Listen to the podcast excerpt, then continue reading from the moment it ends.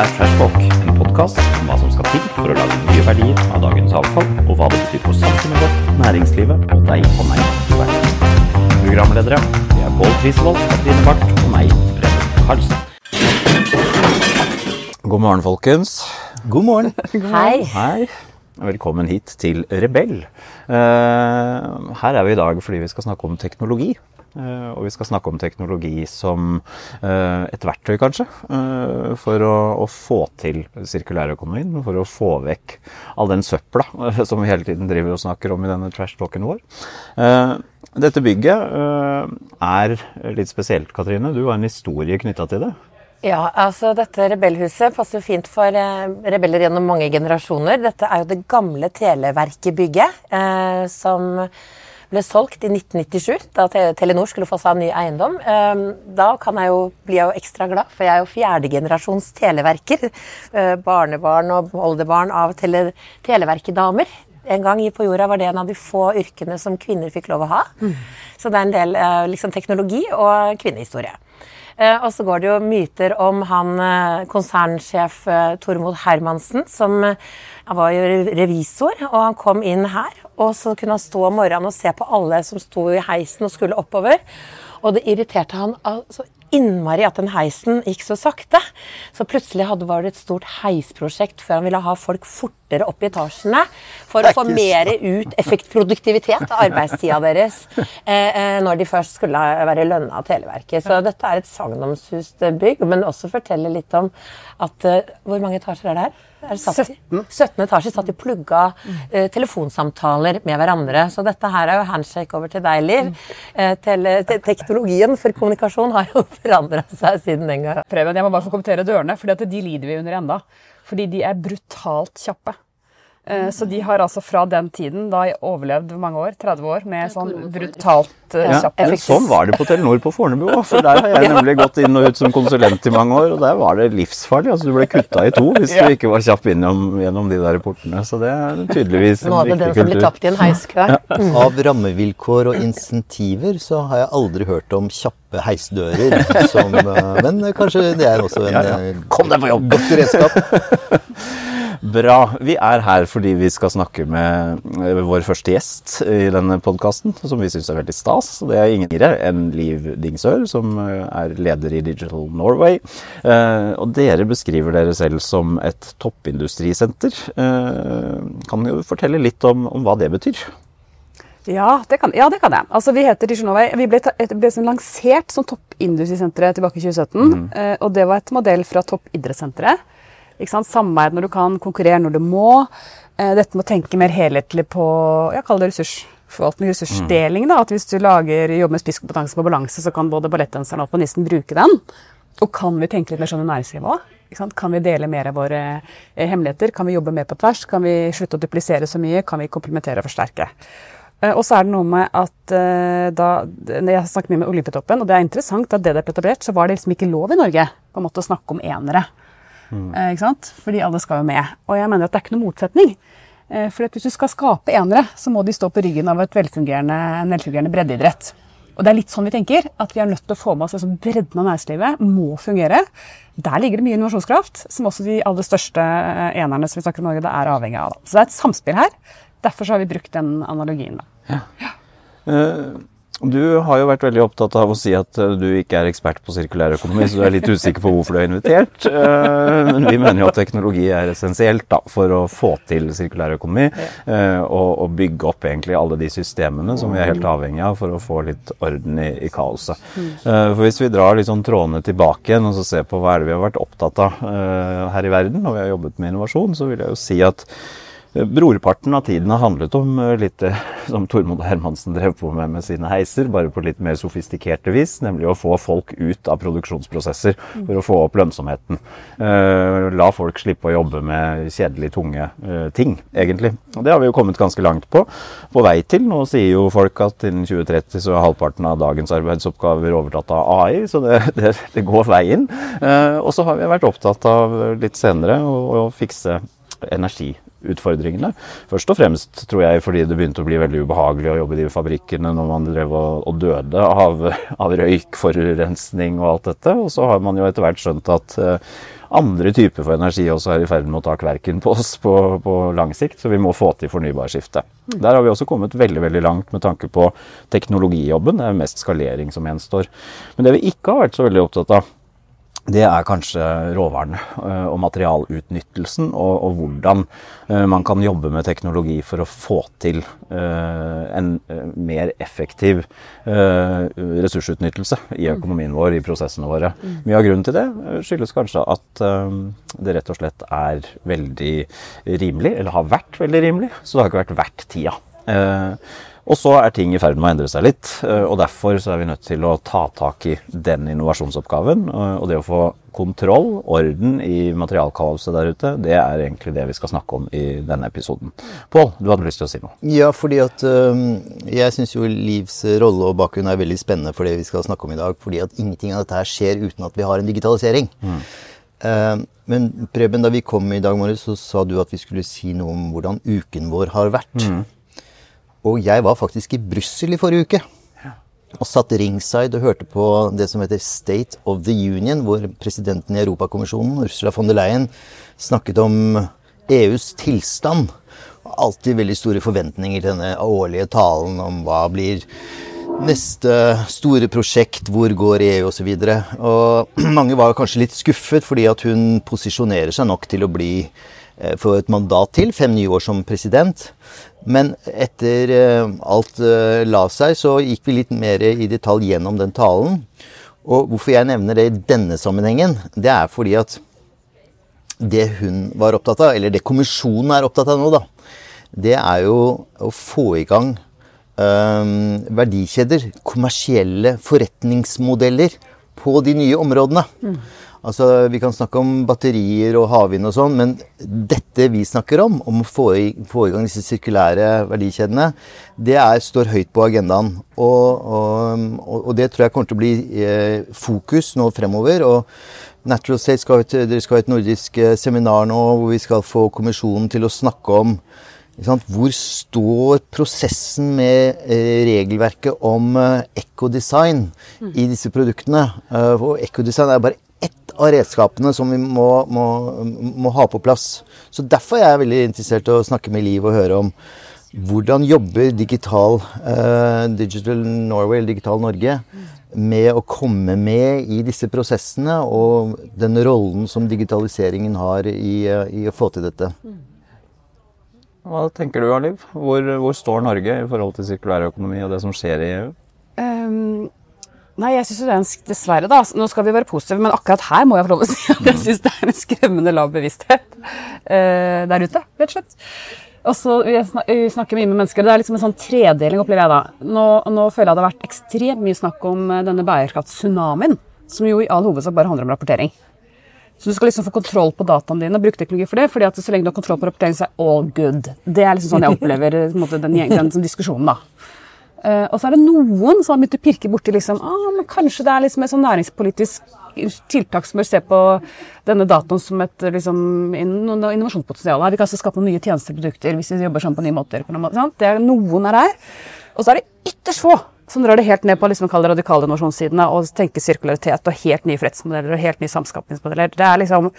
Så vi, vi må sildre mye, mange flere ned, eh, mm. eller opp, da kan du kanskje sildre de oppover, mm. eh, til det som er nivå tre.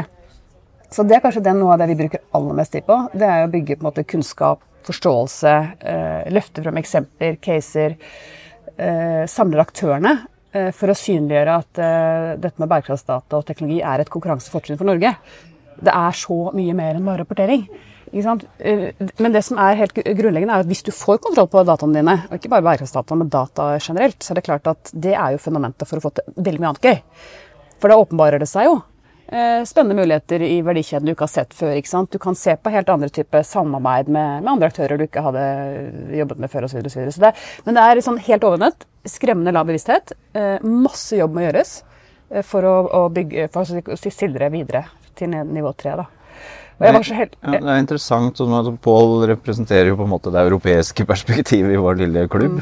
Mm. Og, og sitter veldig tett på det som skjer i, i Brussel. Uansett hvor i hvert fall jeg vrir og vender på meg, og hvem jeg snakker med, så er det jo på en måte det regulatoriske perspektivet som kommer opp. Det er det som kommer, det er det som kommer til å, å endre ting. Eh, EU går foran, osv. osv. Mm. hvordan jobber dere for å, å være den pådriveren da, eh, som dere har satt dere fore å, å være, for å sikre at Norge også eh, ikke bare kommer diltende etter EU, men faktisk tar eh, eierskap til disse tingene? Nei, det, ja, ikke sant? det er det store spørsmålet. Ja. Nå, nå skal jo regjeringen, eh, da, som dere alle har fått med dere, da lage en enda ny eh, digitaliseringsstrategi. Eh, Det var noe av det første Dijonove gjorde i sin. Det var å utvikle Digital 21, som var eh, det jeg opplever var regjeringens digitalis- digitaliseringsstrategi. En ekstremt bred prosess som involverte næringslivet eh, og tok for seg egentlig alle disse temaene. Da. Og var kanskje de første som begynte å løfte denne problemstillingen og viktigheten av offentlig-privat samhandling for å løse disse utfordringene. Nå er det jo ny. Og det, nå skal vi ha et innspillsmøte sammen med NHO og Abelia, og noe av det viktigste vi gjør der, opplever jeg, det er å knytte innspillene opp mot EUs digitale kompass. For hvis vi begynner nå å lage strategier og systemer eh, som ikke harmonerer eh, med det EU nå gjør, på egentlig på alle områder, nå snakker jeg bredt, så er vi helt ute å sykle og kjøre. Eh, og det vil være veldig vanskelig for norske bedrifter å koble seg på alle de fantastiske ordningene som EU nå lanserer. Eh, for å hente kapital hjem, da. For å utvikle disse nye forretningsmodellene og de nye tjenestene vi trenger. Så det er det ene, å jobbe med at vi får hentet inn innsikt fra næringslivet og formulert det på en måte til regjeringen som gjør at dette kan kobles på EUs initiativer. Mm. Det er utrolig viktig. Eh, eh, Nylig så slapp regjeringen en AI-milliard. Eh, Litt typisk eh, politisk eh, grep opp mot en valgkamp, kanskje, hvor man får litt sånn ja, rundt, et rundt tall. eh, Et eh, hypa tema. eh, Men eh, derfra Altså, vi skal satse på et virkemiddel. Det er jo egentlig det de snakker om. Eh, Mer enn at det skal kobles opp mot ulike industriområder, prosesser. AI i sirkulær økonomi er jo helt åpenbart avgjørende for å lykkes med noe som helst på, på sikt. Eh, Men, men hvordan eh, opplever du som sitter ganske tett på det politiske knytta til den digitale eh, utviklingen, at, at politikerne tenker nettopp med liksom Det er ikke bare AI. Det er AI knyttet til en industri vi har gode forutsetninger på. Hvorfor styrer de det ikke mer? Vi? Nei, politikerne, Ja, med tanke det på nei, så- næringsutviklingen vi Ja, ja, ja. trenger å ha forutsetninger for. Da. Nei, altså jeg sier ofte at jeg, ja, Men eh, det er noe med at vi snakker så mye i Norge om at vi har alle forutsetninger for å lykkes, at vi glemmer å gjøre det. helt enig. Sånn opplever det jeg det veldig godt poeng. Altså. Uh, og vi snak, det er jo det ene, og, og også at vi skal stå på ryggen av ikke sant, ja, etablert ja. industri, hvor vi er kjempegode. Men fra det å faktisk våge å ta noen valg, Ja. ikke sant? det er en, en stor utfordring. Vi jobber med et kjempespennende prosjekt nå, um, med NFD og Innovasjon Norge på vegne av de, hvor vi ser på hvordan, eh, for å få til de virkelig store løftene, eh, innenfor, altså de store bærekraftsløftene som handler om egentlig industritransformasjon, til syvende og sist, for det er det det handler om, eh, hvordan kan vi se på koblingen av privat og offentlig kapital? Altså hvordan kan smartere bruk av offentlig kapital, også fra EU, bidra til å forløse mer eh, privatkapital ved å risikoredusere tidligere. slik at, sant? Så det er, det er noen mekanismer i, i stort vi må se på. fordi altså, den milliarden rekker jo ikke Det er 200 millioner altså, det er? Det, det er jo Det er over flere år, er det ikke det? også? over fem år. Så det er jo på en måte ingenting. Men det er et fint signal, syns jeg. Det er et kjempefint signal. Viktig signal. Men, ja, men, men, men poenget er at et privatkapital eh, er også nødt til å kobles på mye mer Men hvis jeg, Liv, kan jeg bare skyte inn før jeg gjorde til mm. Katrine? For jeg må bare si at du nevnte at et fenomen i Norge det er at vi sier hele tiden at vi er så godt rusta. Eh, beste forutsetningene. En annen det er den derre milliarden. For vet du hva, Preben, den representerer? Eller symboliserer? Det som er, eh, jeg mener er et stort problem for Norge, det er at vi er alltid opptatt av denne skippertaksmekanismen. Altså, eh, ja, det er noen penger nå, men det vi trenger, det er jo langsiktige insentiver. Ikke sant? Vi trenger jo rammevilkår som har et 20-årsperspektiv. Dette er en dråpe i havet i et femårsperspektiv. Dette gjør at norske aktører blir det vi kaller på økonomispråket rent seekers. Vi løper til pengene for å få maksimal, maksimere utbyttet og betale regningene nå, men det er veldig lite strategisk langsiktig. Og der er det viktig at vi må eh, altså Liv jobber med Digital Europe, som er et av verdens største digitale programmer. Eh, vi er vel det eneste le- i hele Europa Liv, som ikke har et nasjonalt rammeverk for å insentivere bruken av det programmet. Fordi at EU-prosjekter gir penger, men de gir ganske beskjedne penger. Særlig i forhold til det kostnadsnivået som vi har i Norge. Slik at ehm, du trigget et eller annet der, i meg, Liv, at uh, dette er jeg veldig opptatt av. Um, denne her eh, dugnadsånden som vi er så stolte av å, å promovere overalt. Det er, jo, det er jo en veldig dårlig ånd, egentlig. ja, spørs hva du bruker den til, da, kanskje. Jo, jo, i nabolag og rake haver og sånn. Ja. Men ellers er jo dugnad en forferdelig ting. Altså, det bringer oss null. ja. Vi satt å kjøpe oss ut av det, vet du. Ja, ja, ja, Men det eh. Katrine, ta raskt over nå. For nå har jeg Katrine har sittet og verka nå lenge. Dette er en uformell podkast. Jeg må bare understreke det. så vi har ikke, Det er ikke sånn man rekker på opp hånda for å be om ordet. Vi bare prater. Veldig kjent til å rekke opp hånda, mener du? Nei, men du har gjort det nå to ganger, så du er blitt så lydig. Det må vi være en slutt på. Jeg prøver, nei, men, eh, men eh, jo, jeg sitter og tripper litt, fordi at eh, etter eh, det begynner å bli tre-ti år i arbeidslivet, eh, så har jeg jo skjønt at de penga, uansett hvor du er i en organisasjon, så er det noen som har mer tilgang til penger enn noen andre, så er det IT-sjefen og teknologisjefen.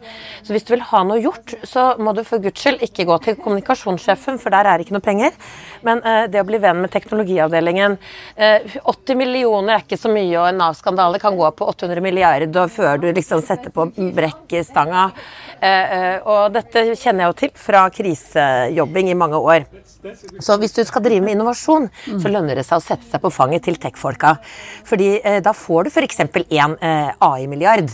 Det første jeg tenkte var hvor er sirkulærmilliarden henne? Ja. Eh, det er det vi skal ta med oss da, ikke sant? Vi skal bli inspirert. Eh, en av de som fødselshjelperne til Digital Norway er jo Walter Kvam, og jeg har jo hengt Han går jo ikke med skjørt skjørtene hans, altså jeg har jo hengt på han og prøvd å avlære hvordan han tenkte. For en som har vært eh, konserndirektør i Kongsberg Gruppen, har kanskje noen tips å gi sirkulærsaken nå.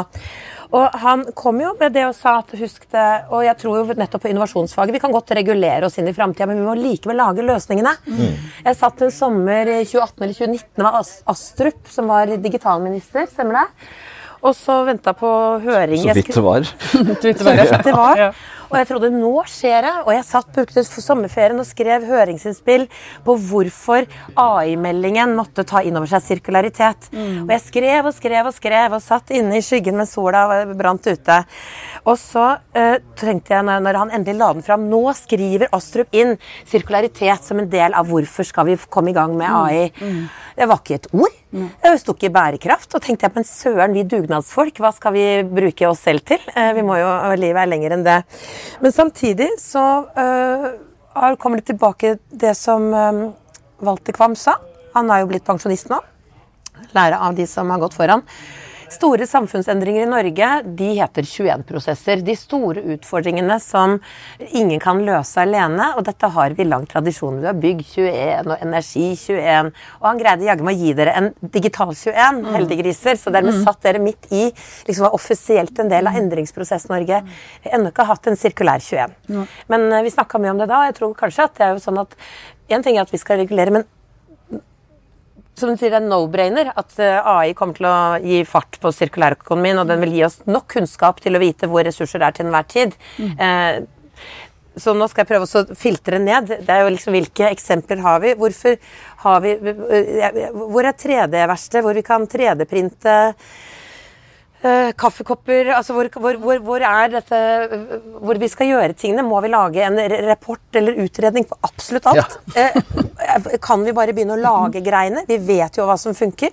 Kan neste uh, brohode oppe i Nydalen være en 3D-printa betongbru eh, av kortreiste materialer? Kan vi endre forestillingen om at alt skal importeres fra eh, Kina eller eh, Bangladesh? Det er noen veldig grunnleggende forestillinger vi også skal begynne å øve på. Og det er jo det nære lokaløkonomier. øh, Det er masse økonomi i å oppbruke og merbruke et bygg som det her. Liv. Kast inn, Liv. Fordi du Ja, nei, jeg bare på Nå vi- fikk du liksom Ja, rampen her. Ja, å, nei, men, det, men jeg tror liksom det handler vi, snak- Jeg var med i et veldig spennende prosjekt som het Biodigcirk. Vet ikke om dere var Ja, ja, det? det er Eh, superspennende. slett var tre Ja, ja. departementer som gikk sammen for å se på hvordan vi kan øke sirkuliteten i bionæringen. Da, var det, Mm. var det. Og det er jo mange av de samme, altså altså egentlig hvilken næring du angriper med sirkulitetsøye, så er det litt de samme utfordringene som vi kan snakke mer om for så vidt. Men Ja, mange- det ligner jo veldig på digitalisering, for ja, det, det, det det det slår så innmari på Og, tvers. ja, og Så det, bare- og det krever noe systemisk. Ja. Det er som du sier, det nytter ikke bare med ildsjelene, vi må liksom på, på systemisk nivå. Eh, Men det handler mye, også mye om kompetanse og forståelse. eh, ikke sant? Og, og, og det er det tunge når man må være tidlig ute, at man må liksom jobbe veldig lenge motstrøms før flere får øya opp for eh, det magiske med, med dette. Men vi har lansert en ny videreutdanning. Det er på en måte litt sånn som vi kan gjøre, da. Bare som en start, som noe. Eh, Som heter eh, som er dekom, altså dekommisjonering. Og det er også et ord som veldig få vet om eh, hva betyr. Hva betyr dekommisjonering? Ja, nei, Det handler rett og slett om hvordan kan du gjenbruke. da? Altså, Hvordan kan du få sirkulitet inn i disse store installasjonene? Når du har en oljeplattform, eller Dette kommer faktisk fra IFE-miljøet, da, med atomreaktorer og sånne gøye ting. Men det er jo alt mulig rart. Altså, ikke? Hvordan kan vi som, eh, som land eh, eller region eller bedrift eller hva som helst, tenke om eh, fra start når vi bygger noe, at det skal på en eller annen måte, til, til syvende og sist så skal dette gjenbrukes eh, på et eller annet nivå. Og da handler det om å bygge kompetanse hos mange flere miljøer eh, og gjøre veldig mange flere bevisst på at dette er noe vi må måte, ta inn fra start. Da. Så det er litt sånne småting, ikke småting, det er ganske viktig videreutdanning faktisk, men det at man kan samle miljøer og få på akademia og begynne å jobbe opp eh, disse opplæringsinitiativene, sånn at vi får ordene inn. da.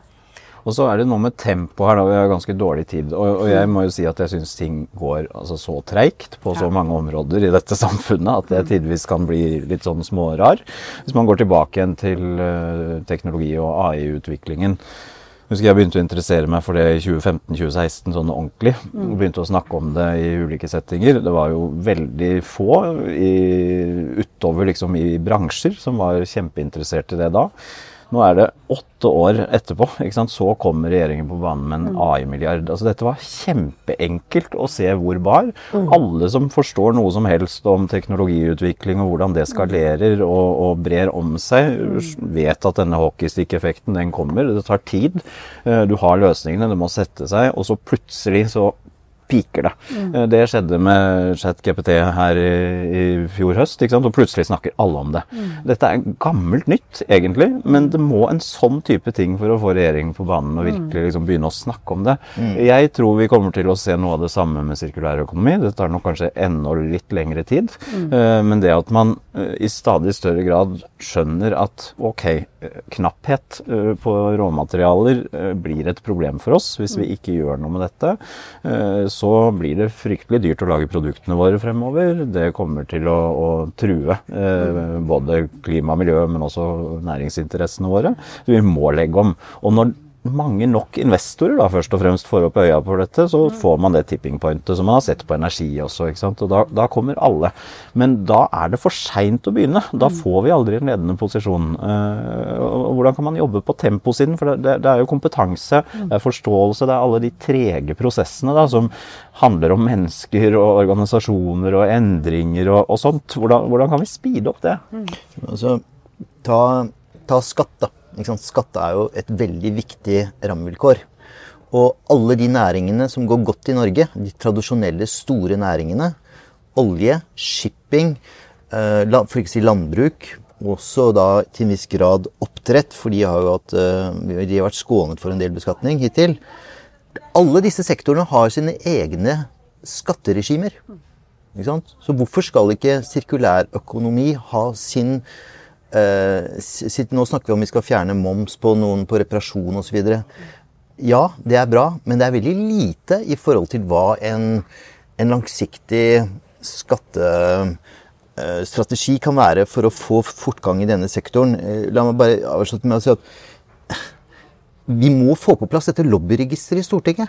Fordi at jeg tror at det vil gjøre at våre folkevalgte vil tone ned kontakten med disse enorme lobbygigantene fra disse dominerende sektorer, som viser at vi som jobber i de nye sektorene, vi kommer, vi kommer ikke til. Vi kommer ikke til det politiske miljøet engang utenom noen flotte kronikker i Så skal du være ganske bold, da. Jeg har et sånn nydelig eksempel. eh, Jeg vet ikke om du har hørt om Kaos. Altså, det er to fantastiske gründere som eh, lager barne... Altså laget en sånn klappstol. Ja, Kjempeflinke. Ja, ikke sant? Og nå har de gått, inngått da, et samarbeid med Ion, som er Aker Marine sin, sin storsatsing på dette med sirkularitet i fiskeri, da, hvor de måtte gjenbruke plastmateriale som, som er. Og nå har da måtte Kaos jobbet Men ikke sant? dette tar jo flere år for disse stakkars to gründerne å jobbe opp en hel eh, hva kaller man det, resirkulert Ja. babystol eh, basert på plast fra havet.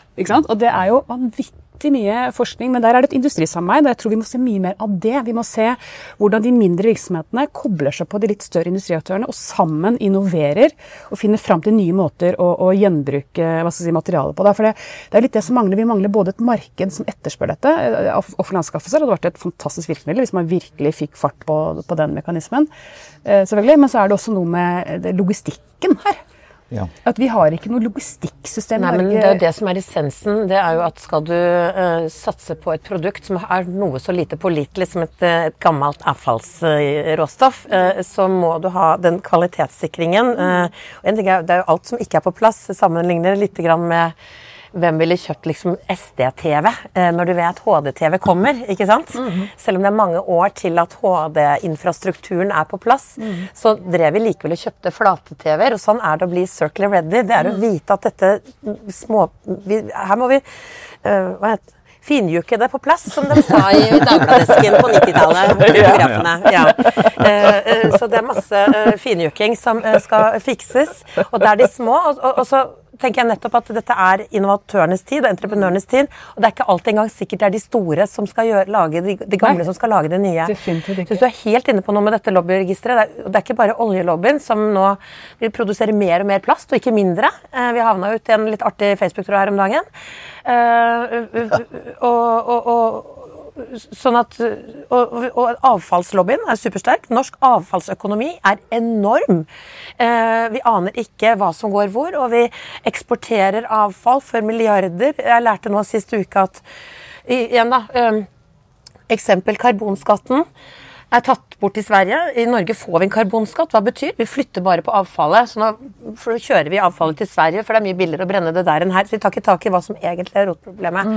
Så det er der du kommer tilbake til liksom den digitaliseringa. Ja. Fordi at eh, for fem år siden så kom det Da tenkte jeg nå og Jeg tror jeg ringte deg også da, for da kom Digital Roadmap for Circle Economy. Det var skrevet av en svenske, en dansk og en finne, eh, og under European Policy Innovation Institute. Og så kom eh, coviden, så jeg tenkte åh, nå blir den lansert. Men det er liksom, hva, hva ville vært et veikart eller roadmap? Hva er de viktigste komponentene, syns du, som vi må liksom lande og få modna da, på sånn brukerteknologier, eller eh, få klikka inn på plass for å få raskere modning? da, Få flere sånne kaosbedrifter på plass. Nei, altså bare sånn Helt ordentlig, så tror jeg det er én viktig ting, og det likte jeg så godt med det Bigodir-prosjektet. Der sto det helt tydelig i starten at næringslivet leder an, og offentlig sektor må utvikle seg i takt med næringene. Og det var et ganske fint signal. For her, handler det om at man faktisk må agere mye raskere eh, som offentlig aktør enn tidligere.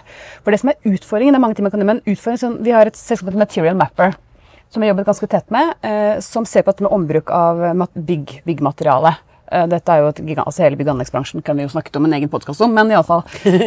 og der handler det om å se på når du skal bygge noe nytt og rive noe i nærheten, og geografisk nærhet, eh, er det noen gjenbruksmuligheter her på tvers. Altså Helt sånn praktisk. Hvis du river noe i Oslo og det er én kilometer unna skal bygges noe nytt, kan Ja, vi se på noe Hvordan kan der. flytte på materialer, rett og slett? Så Ja. enkelt, liksom. Ja.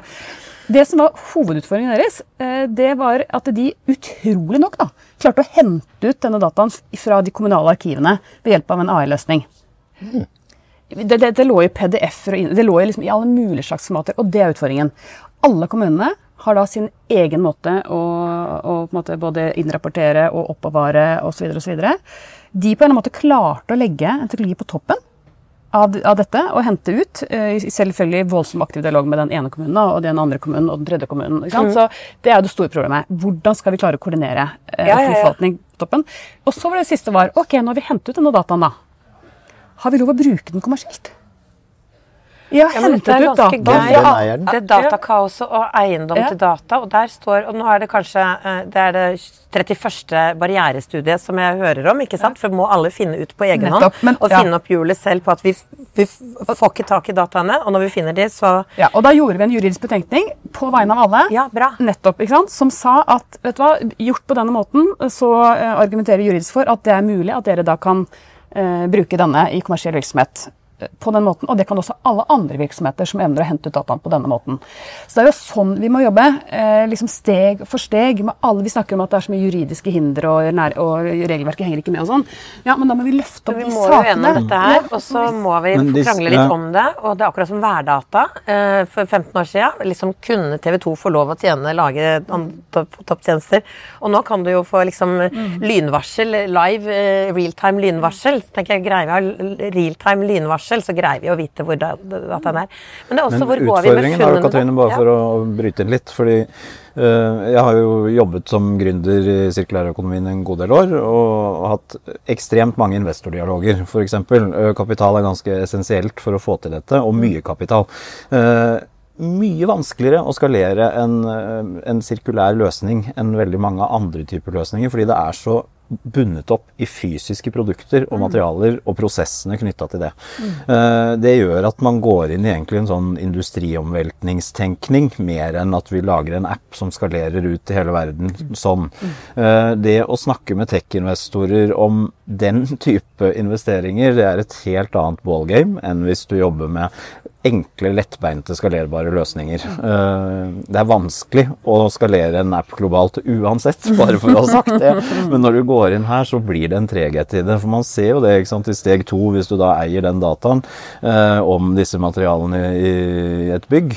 Eh, hva kan du bruke de materialene til i forhold til lovverk og reguleringer? Det stopper. Det er mange som har prøvd dette før, og så blir de stående, og så prøver de å, ta noen andre veier for å overleve. Og så blir egentlig liksom hele den opprinnelige planen noe helt annet enn det egentlig hadde tenkt i, fordi de ikke har kapital til å holde den, eh, det løpet ut. Da. Eh, hvordan skal man løse det? eh, kapitalutfordringene knytta til dette, det tror jeg er en ekstremt viktig ting. Selvsagt kan det offentlige fokusere mer på det med virkemidlene sine og sånt, men også i forhold til opplæring av investormarkedet. Mm. Hvordan jobber man med det? Noen som har noen eh, betraktninger? Ja, jeg kan eh, vise til en fersk revisjonsrapport eh, som overfor EU som kom i sommer, som peker på hva er avkastningen og virkningen av de pengene som har vært pøsa inn i EU Green Deal på sirkularitet siden 2015, siden eh, politikkomveltninga starta. Og den er, nærmer seg tilnærma det vi gamle journalister kaller rein slakt. Eh, fordi pengene har eh, vært pøst inn i end of life-løsninger. Dvs. Si, materialer som egentlig allerede er i ferd med å dø. Istedenfor å investere det i de startupsene. I Material Matters, i de som begynner med systemløsninger.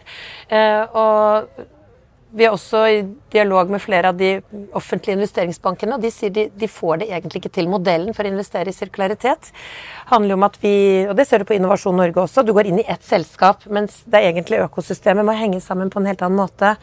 Og det er der jeg tenker sånne digitalhuer som dere skjønner det, for dette har dere liksom blitt flaska opp til.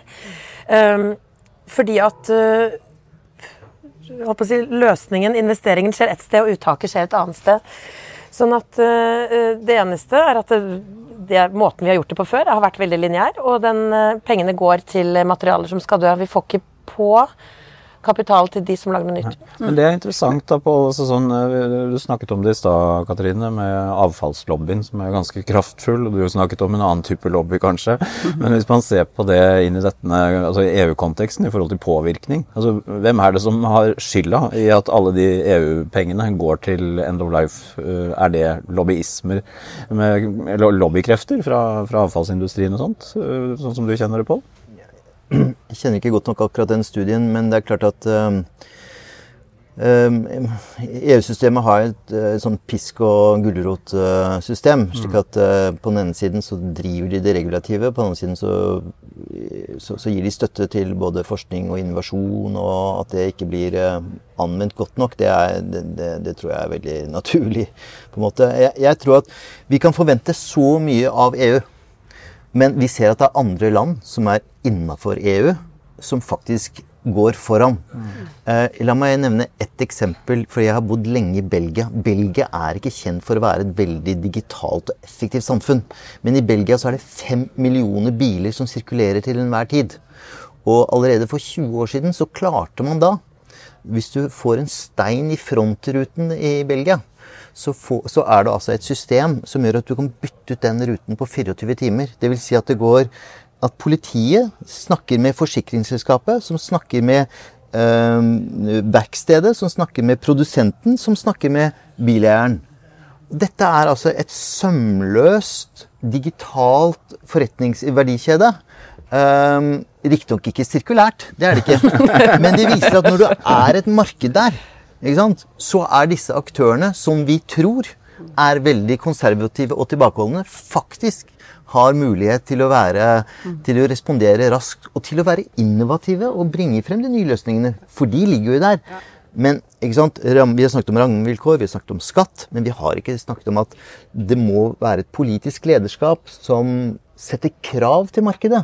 Nei. Og det trenger vi også i Norge. Og så, så tror jeg det er dette med kapital, og da har vi snakket eh, Det er jo helt avgjørende. Altså, vi kan, og vi har eh, jobbet mye med noe som heter Pulot E, eh, som er et fantastisk egentlig innovasjons, innovasjonsfinansiering. Hvor man egentlig ser virkemiddelaktørene mer under ett. Det vil si at hvis du skal klare å skape en utslippsfri anleggsplass, da, så er det veldig mange aktører som må samle seg og legge dette igjen for, for virksomheten, legge dette etter hverandre. Eh, og det har hatt helt fantastiske effekter. Man bare går inn og ser på alle de helt utrolige eh, prosjektene som Pilot E har bidratt til å gjennomføre, spesielt innenfor uh, utslippsfri maritim uh, sjøfart osv. Nå ser vi på ok, er det andre uh, områder hvor vi kan bruke tilsvarende tenk. Uh, og se på hvordan kan du kombinere disse ulike kildene. Hvis du har Innovasjon Norge eller Enova, så har du kanskje Investor Nord Nysnø, og så har du privatkapital. Hvordan kan du strukturere de, Bare ta de fire kildene. Mm. Eh, mye mer smart med tanke på fra oppstart til eh, end of project. ikke sant?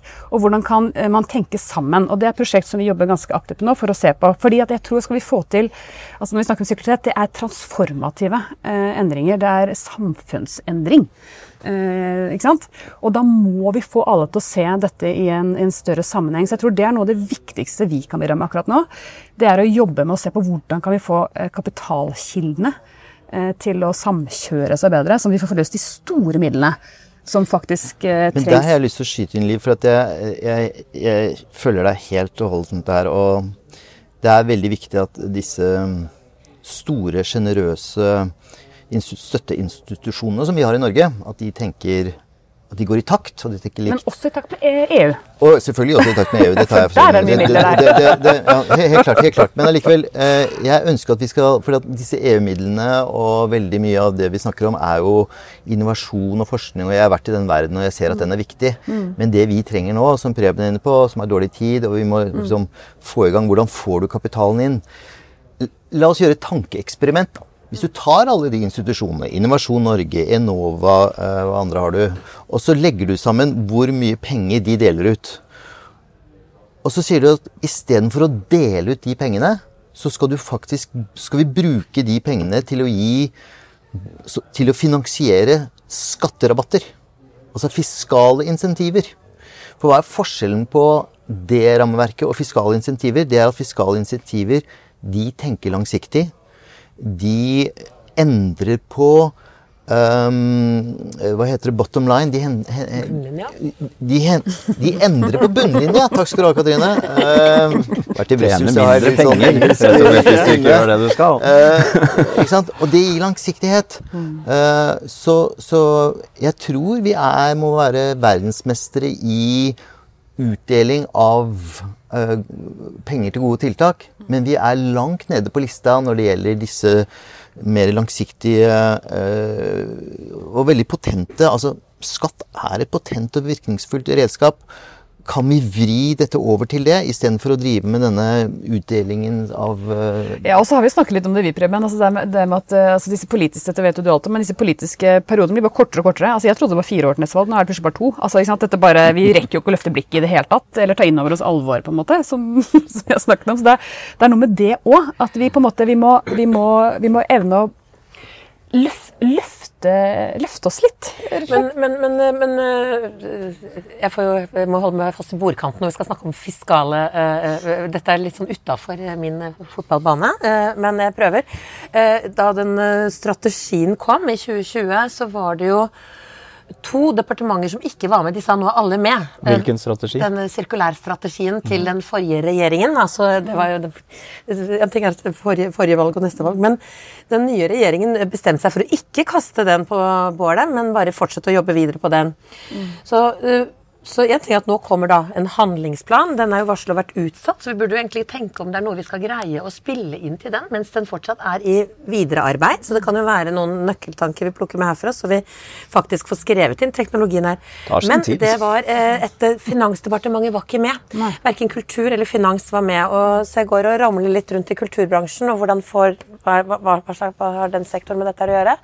Men det at finans ikke var med på den klargjøringa på sirkularitet, betyr jo også at de har ikke fått vært med på den holdt på å si, modenhetsreisa. Eller det, da, sånn at jeg tenker at her må noen få noen ut av de dørene, eller få på plass den samtalen. For dette kommer selvfølgelig til å gå utover hvordan vi tenker eh, verdiskapning i Norge, ressursproduktivitet i Norge. Det handler om hva vi importerer, hvordan vi holder råstoffene i kretsløpet. Dette skal kunne måles, og den monitoren har EU kommet med nå. Eh, for å måle transformasjon i EU, sånn at vi kan jo liksom begynne å så Sånn at så vi må være Selvfølgelig så vil det påvirke både altså Hvor mange ganger kan du lage merverdi på et produkt som altså Dette kommer til å påvirke alle måter innafor hvordan vi tenker eh, økonomi. Da. Og så er det noe med denne målorienteringen. Eh, Du snakket om det, at det handler ja, Vi øser ut veldig mye midler, og det er liksom det det handler om. Vi har gitt x antall kroner til Y. Ja. Det er ikke vi har et mål om å oppnå Ja. Veldig godt poeng. eh, F, liksom. Og, så jeg tror det er noe med hele måten vi snakker om dette med innovasjonskapital eller utviklingskapital i Norge også, at vi blir så opptatt av, eh, av beløpet per se. Istedenfor å jobbe med hva er det vi ønsker å oppnå, og hvem må faktisk samles for å få det til. og det er kanskje noe av det jeg opplever som er vår viktigste oppgave nå. Altså, vi er jo en ikke-kommersiell, vi har jo ikke noe egeninteresse i noe av det vi driver med. Vi er ikke kommersielle non-profit virksomhet. Og, og jeg opplever at vi klarer, selv om det tar tid for oss, så, så klarer vi å samle aktørene på en litt annen måte enn andre kan. Nettopp fordi vi ikke har den egeninteressen. Da. Og det Burde ser, det ikke være det? Burde de ikke hva- hva- Ja, jeg skal ikke gå inn på det, da. Men burde ikke deres motivasjon være at dere skal bringe aktørene sammen? Og jo, jo, jo, jo, jo, det kan du si. Det er litt cut. Ja, det, det burde vi sikkert gjort. Men uansett så er, så er ikke det som er poenget. Poenget er at det, det, må, målsetningen går utover den enkelte aktør vi samler. Ja. Eh, Og det ser vi at når vi jobber med prosjekter som sirkularitet, da, som vil gå på tvers av en rekke aktører, på tvers av verdikjeder, på tvers av sektorinndelingen vi har i Norge, på tvers, på tvers, på tvers, eh, så, eh, så rakner det eh, i sving én. Ikke sant? Sånn at du er nødt til å klare å ha en, en, Det er en enorm standhaftighet som må til, det vet at dere alle står i. Grit er liksom ja. Du må orke. Fearless. Ja, alle disse fantastiske ordene som er ganske slitsomme i, i hverdagen. At man får mye grå hår av. Men vi må ta på alvor at noen må drive dette. Eh? Vi har dataen, og vi vet hvor vi vil, men noen må faen meg gjøre det òg. Og mange, når mange skal gjøre noe, så ender det opp med at ingen gjør noe. Så å ta på alvor at du må faktisk eh, gi konkrete oppdrag til miljøer som eier fra start til mål. Jeg tenker at Hvis ikke du gjør det Hva ville vært drømmeoppdraget ditt? Fordi nå prater du helt etter liksom Bibelen på uh, Jacqueline Kramer, som eh, er tidligere minister i Nederland, som har gitt ut bøk, flere bøker om network governance. Hvorfor network governance er egentlig en ledelsesstrategi for transformasjon. Og, og, og du, det er jo egentlig dine beste tips da, for å komme med, med erfaringer fra Digital Norway. Altså, hva, hva kan denne type samspillsledelse tilføre sirkulariteten, eller hva- er det vi kan vinne på å lære av eh, digitalbevegelsen? Eh, nei, altså, det er, jo, det er jo disse ordene bærekraft, sirkularitet, digitalisering gir jo ikke noe verdi i seg selv. Ikke sant? Det er når du begynner å bryte det ned inn. Og det ser jo vi at du må ha en hook, da. Mm. Sånn, Du må ha en bransjing, dessverre. Du kan snakke om det skulle, Alt skulle gjerne gå på tvers, men det nytter ikke når du skal begynne å gjøre noe. Da må du ha en bransjeinngang, eller en bransjekontekst, eller noe som er relevant for den enkelte som skal engasjere seg. Og så kan du begynne å bygge ut sant? eh, økosystemet etter hvert. da. Så det man trenger, er jo at man har en regjering, en regjering som sier at eh, nå får dere et mandat eh, med tilhørende finansiering eh, som handler om at dere skal nå, eh, oppnå sirkularitet i, eh, i eller hva skal si, løfte dekommisjonering i Norge, da. Kall det så, så, så enkelt. Eller løfte sirkularitet i bionæringene eh, som en første test. I dette andre prosjektet vi jobber med nå, som går, som går mer på digitalisering og, og, finansiering, så ser vi jo på en måte, så da jobber vi oss fram mot en testpilot, eller en, eh, en, en et, altså kall det en, en, et bevis da, innenfor ett utvalgt domeneområde. Ikke fordi at det nødvendigvis var det som skal vinne til slutt, men fordi at man må bevise noe med en litt sånn mindre øvelse som skal svare opp de samfunnsøkonomiske behovene, som skal svare opp de nasjonaløkonomiske effektene. Hva er det vi ønsker å oppnå dette? Og, og, alt dette som handler om at er vi egentlig rigga i Norge for at akkurat det er denne, denne satsingen. Altså jeg tror Vi må liksom våge å ikke, å ikke liksom angripe alt på en gang, men vi må av og til våge å ta et valg. Og si at med begrensede ressurser så jobber vi nå aktivt for å løfte denne bransjen, eller denne problemstillingen i bransjen. Godt ta det litt ned. Eh, når vi har bevist at det funker, Eh, så, eh, så, vet du allerede at hvis du beviser det, så forløser det x antall midler til å ta neste prosjekt og neste prosjekt. Men den langsiktigheten hvordan skal vi få noe til å Nei, for Det, det jeg syns er interessant, da, eh, i, i, forhold til denne diskusjonen har vi snart holdt på i 50 minutter og snakket om egentlig samfunnsutvikling. Ja. Det er jo det i stort. Men vi har ikke snakket om folk. Eh, vi har snakket om regulatoriske virkemidler, vi har snakket mm. om innovasjon i næringslivet. Men hva med menneskene? Mm. Eh, som i hvert fall erfaringsmessig fra eget virke, når man får mobilisert opinion, så får du mobilisert politikerne, og så flytter det ting på en annen måte. Mm. Men det er veldig lite fokus på det. Det er en av mine sånn kjepphester. Det må da gå an å få med folk, vanlige mennesker, på en reise som kan være både spennende og, og utfordrende. Men uh, du rister på huet, Pål. Ja, har ikke altså, trua på folk. Greta Thunberg-generasjonen er jo død. Så, ja, det er så jeg, vi får ikke med oss folk. Og kan jeg få snakke om en generasjons... Ja, en, en ressursgenerasjon? Pål er litt sånn deppa fordi han har et valg i, i kofferten som ikke gikk så bra for MDG. Bra for deg, ja. Hvis vi begynner eller slutter med hva vi har gjort denne uka her. Jeg kom i går. Det var helt utrolig. Fikk lov å bruke arbeidstida på å bli invitert til Rotary-klubb i Oslo sentrums Rotary-forening. Eh, jeg har jo aldri vært inne i sånne skumle vegger noen ganger, men så skjønte jeg at dette her er det samfunnsnettverk for eh, deling av ideer og kontakter. Men det, det var fullt hus. Veldig grått og hvitt. Og så tenkte jeg bare eh, Og etterpå, når jeg skjønte hvem som satt i salen, for det var jo tidligere konserndirektør der og tidligere direktoratsdirektør der, så jeg ranta i vei i sedvanlig stil og fikk så utrolig mye kunnskap tilbake. Mm. Ja, men du, dette her, det er jo avfalt. Dette gjorde vi jo i 1976. Mm. Og jeg husker i 82, da gjorde vi sånn og sånn. Og da tenkte jeg nettopp her For folk flest har ikke dette som jobb. Eh, arbeidsgiveren vil ikke at det er dette vi skal drive med. Folk skal gjøre den andre delen av jobben sin. Men når folk faktisk ikke er i arbeidslivet lenger, og ha, få en pensjoniststand som nå bare tømmer 50 år med mm. samfunnsbygging, og i stedet for å sende dem på golf Det du sier, er at vi går fra Thunberg-generasjonen til det grå gullet. Det er de som skal ja, bli kan jo koble litt, grann, lage litt diversity. Ja. Men vi, du jobber jo med folk. Ja, ja, altså, gjennom, gjennom Digital Norway og ansatte, ansatte i alle de selskapene. Skape et endringsglede, ja, ja. som snakker om. Nei, nå sa jo akkurat Katrine at, eh, at kommunikasjonsfolka ikke har penger. da, ikke sant? Og det er jo det dette veldig mye handler om til syvende og sist. da, at, eh, at vi må fortelle de gode historiene. Det, for at det skal skalere, da. Det er vi i hvert fall veldig opptatt av. Og ikke bare fortelle men vise helt sånn konkret hva man har gjort og tenkt, og hvorfor har dette funka, og hvordan. ikke sant? Så jeg tror det Jeg har, jeg har alltid tenkt sånn Tenk, da, hvis alle virksomheter i Norge kunne skrevet ett case hver om én ting de har gjort som har funka eh, i sirkularitetens ånd. Alle virksomheter i Norge skrev én ting. Og da tenker jeg at det kan handle både om folk og bedrift og, og nettverk og verdikjede, og hva som helst. Altså, vi hadde fått et et helt sånn fantastisk energiboost og følelsen av at å herregud, her har naboen fått til så mye kult.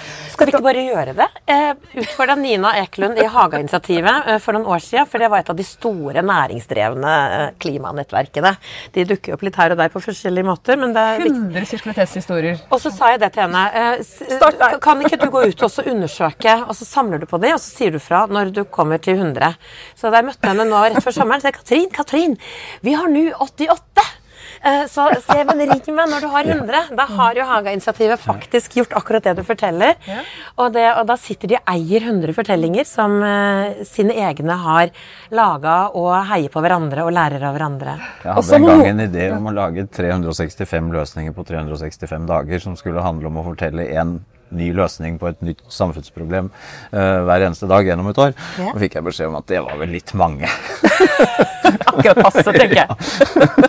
Den rapporten syns jeg vi skal lage 100 løsninger vi skal leve av når oljen aldri tar slutt. Ja. Mens oljen forblir den er. Ja. Nei, men jeg skal bare si en ting, men det, er jo veldig fint, og det, det gjør vi jo en del, og sånn, men det, det er jo ikke nok. ikke sant? Fordi at når du, først, når du da har fortalt de 100 historiene, så er det noen læringer der Så noen må syntetisere, løfte opp uh, og begynne å se på ok, men hvordan kan vi få skala på dette. For det er også en greie i Norge at vi er jo ikke så opptatt av skalering. Nei, nei, nei. Eh, Vi er pilotlandet. Vi er, vi er pilotlandet. Ja, Så, så, så kombinasjonen da, av at, eh, at, dette, at ting som beviselig funker, og en kraft som kan skalere, i et ganske bredt ekosystem som i hvert fall vi representerer, så tenker jeg at vi kunne komme ganske langt på et år, jeg, Preben. Hvis vi skal runde av med noe konkret, da. Eh, Vi liker jo det, ikke sant? Eh, Disse selskapene som går foran. Selv om de bare er piloter og ikke har skalert, så liker vi de godt. Og noen av de har jo gode ideer også. Eh, Er det noen som har noen som virkelig liksom har fått til, eller i hvert fall er i ferd med å få til, eller eksemplifisert med en, en god retning eh, på eh, et sirkulært konsept med tech i kjernen? Katrine? Ja, så, sånn høres det ut når jeg tenker. Ja, ja da er det stille. Liv, da. Nei, nå nevnte jeg jo eh, ja, nei. Jeg kom på Haka-gruppen, unnskyld. Det er så leverandør til, eh, med sånn egentlig veivaskesystemer. eh, Som prøver å selge dette til kommuner, men kommuner vil jo ikke kjøpe dette som tjeneste. De vil eh, kjøpe produktene. Oi. Skal vi se. Sånn går det når kolleger venter på en. Eh, Sånn at eh, Men jeg, jo, eh, han Looping, han som har fjerna 20-30-40 tonn eh, med plast i byggebransjen. Ja. en gammel IT-kar eh, som eh, for noen år siden Jeg visste ikke det het sirkularitet, men han leverer jo da eh, emballasje som tjeneste. Og så det han gjør det er Egentlig ganske svære covere eh, for å frakte hva heter det, konteinere og materialer og sånn. Men det han gjør, det som er plattform Han har en plattform hvor han freiser og tracker og slitasje og reparerer og bytter ut deler. Så det er den eh, egentlig datajakten på bruk, og får opp bruk, kunne alt om bruksmønsteret til denne flyttbare emballasjen. Superfan av Jens Brustad, som eh, bare er, er, ligger langt foran. Og gjør eh, det alle kan gjøre egentlig når som helst. Liv? Nei, Jeg ble kjent med et veldig gøyalt eh, selskap i dette Biodigsil. Det er Invertapro som driver med sånn eh, oppsirkulering av høyverdig matavfall gjennom insektproduksjon. Altså, det er ganske gøyal case. Da begynner man å se muligheter. Eh, her snakker vi om industriell skala, altså. Så det er utrolig morsomt. Nå jobber jeg også med selskap vi skal ha et samarbeid med nå som heter Consigli, eh, som også bruker kunstig intelligens i hvordan de jobber med prosjektering av bygg eh, i et bærekraftsperspektiv. Og innenfor bygg og anlegg er det jo et hav av selskaper. Bare Entra her, hvor vi sitter, eh, er jo et godt eksempel på hvordan man utnytter sensorteknologi og og teknologi på helt nye måter i forhold til å skape gode, gode og bærekraftige byggopplevelser. Men ja, det er et hav av eksempler, for så vidt. Men, Ja, jeg har også et eksempel som jeg kom borti her forleden. Veldig dyktige karer som driver Sirkmar.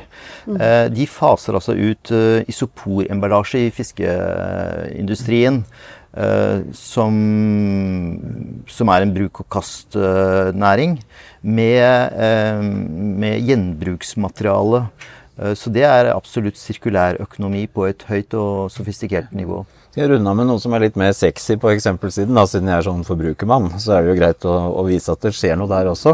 En uh, ung, uh, oppadgående fyr som heter Olav Engesland, som har startet et selskap som heter Revo.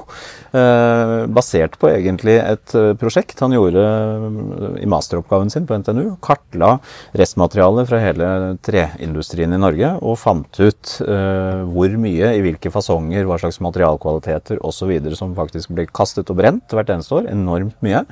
Og så begynte han å lage et designsystem og produkter ut av eh, det treet som ellers hadde blitt eh, brent opp. Inngikk samarbeid med produsentene og har nå laget et eh, selskap som primært produserer ulike former for møbler av materialer som ellers hadde blitt brent. Eh, det lager jo da karbon istedenfor å slippe det ut, så det er en utrolig fin eh, konsept. Høykvalitetsmøbler.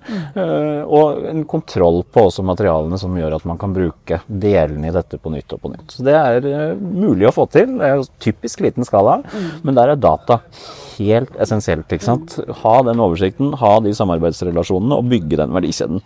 Jeg nevnte også Ion, som jeg syns er et viktig eksempel, bare fordi det også eh, eksemplifiserer ansvaret, eller kanskje til og med forpliktelsen jeg mener at mange av de store virksomhetene har. Ikke sant? Nå Aker Marine og Aker ASA, eller Aker-systemet ikke sant? jobber så mye med, med havnæringen og ser på denne plastproblematikken. Det å faktisk da lage Ion Lu, som er en teknologiløsning som nettopp ser på dette med gjenbruk av den type materiale, at enhver stor virksomhet, og i hvert fall statlig virksomhet, det kunne vært en annen shout-out, at enhver statlig virksomhet faktisk har et ansvar for å ha en sirkularitetsstrategi med helt konkrete målsetninger for hvordan de enten kan gjennom andre eller via nye etableringer ta tak i problemstillinger i sin bransje. Tenk hvis hver, hvert, hver Irland har, få, har fått sin første landet som fikk sin sirkulær minister. Ja. Eh, Volvo har den nye CCO, det er Chief Circular Officer. Eh, Amazon har også det. Altså denne, uh, vi har ropt på digitalministeren noen år. Jeg tenker at Du peker helt riktig på uh, hvem har ansvar her. Noen må ta ansvar. Men vi har jo Ja, statlige virksomheter innenfor nesten alle bransjer. Hva om den dette er helt enkelte statlige virksomhet får det ansvaret? Vi hadde jo en, en digitaliserings- og kommunalminister, et sånt lite dugnadsprosjekt, og så forsvant digitaliseringsdelen av det. Det sier jo litt om kanskje det behovet vi har i dette landet, som denne samtalen peker veldig på. Det er å, å gå fra dugnad til langsiktig strategisk plan for utvikling av en sirkulær økonomi drevet av teknologi. Eh, er det en fin oppsummering? Amen. Ja. Amen. Fint. Da takker vi for nå. Takk for besøket, Liv. Ja, takk for besøket. Liv. med. Ha det. God dag.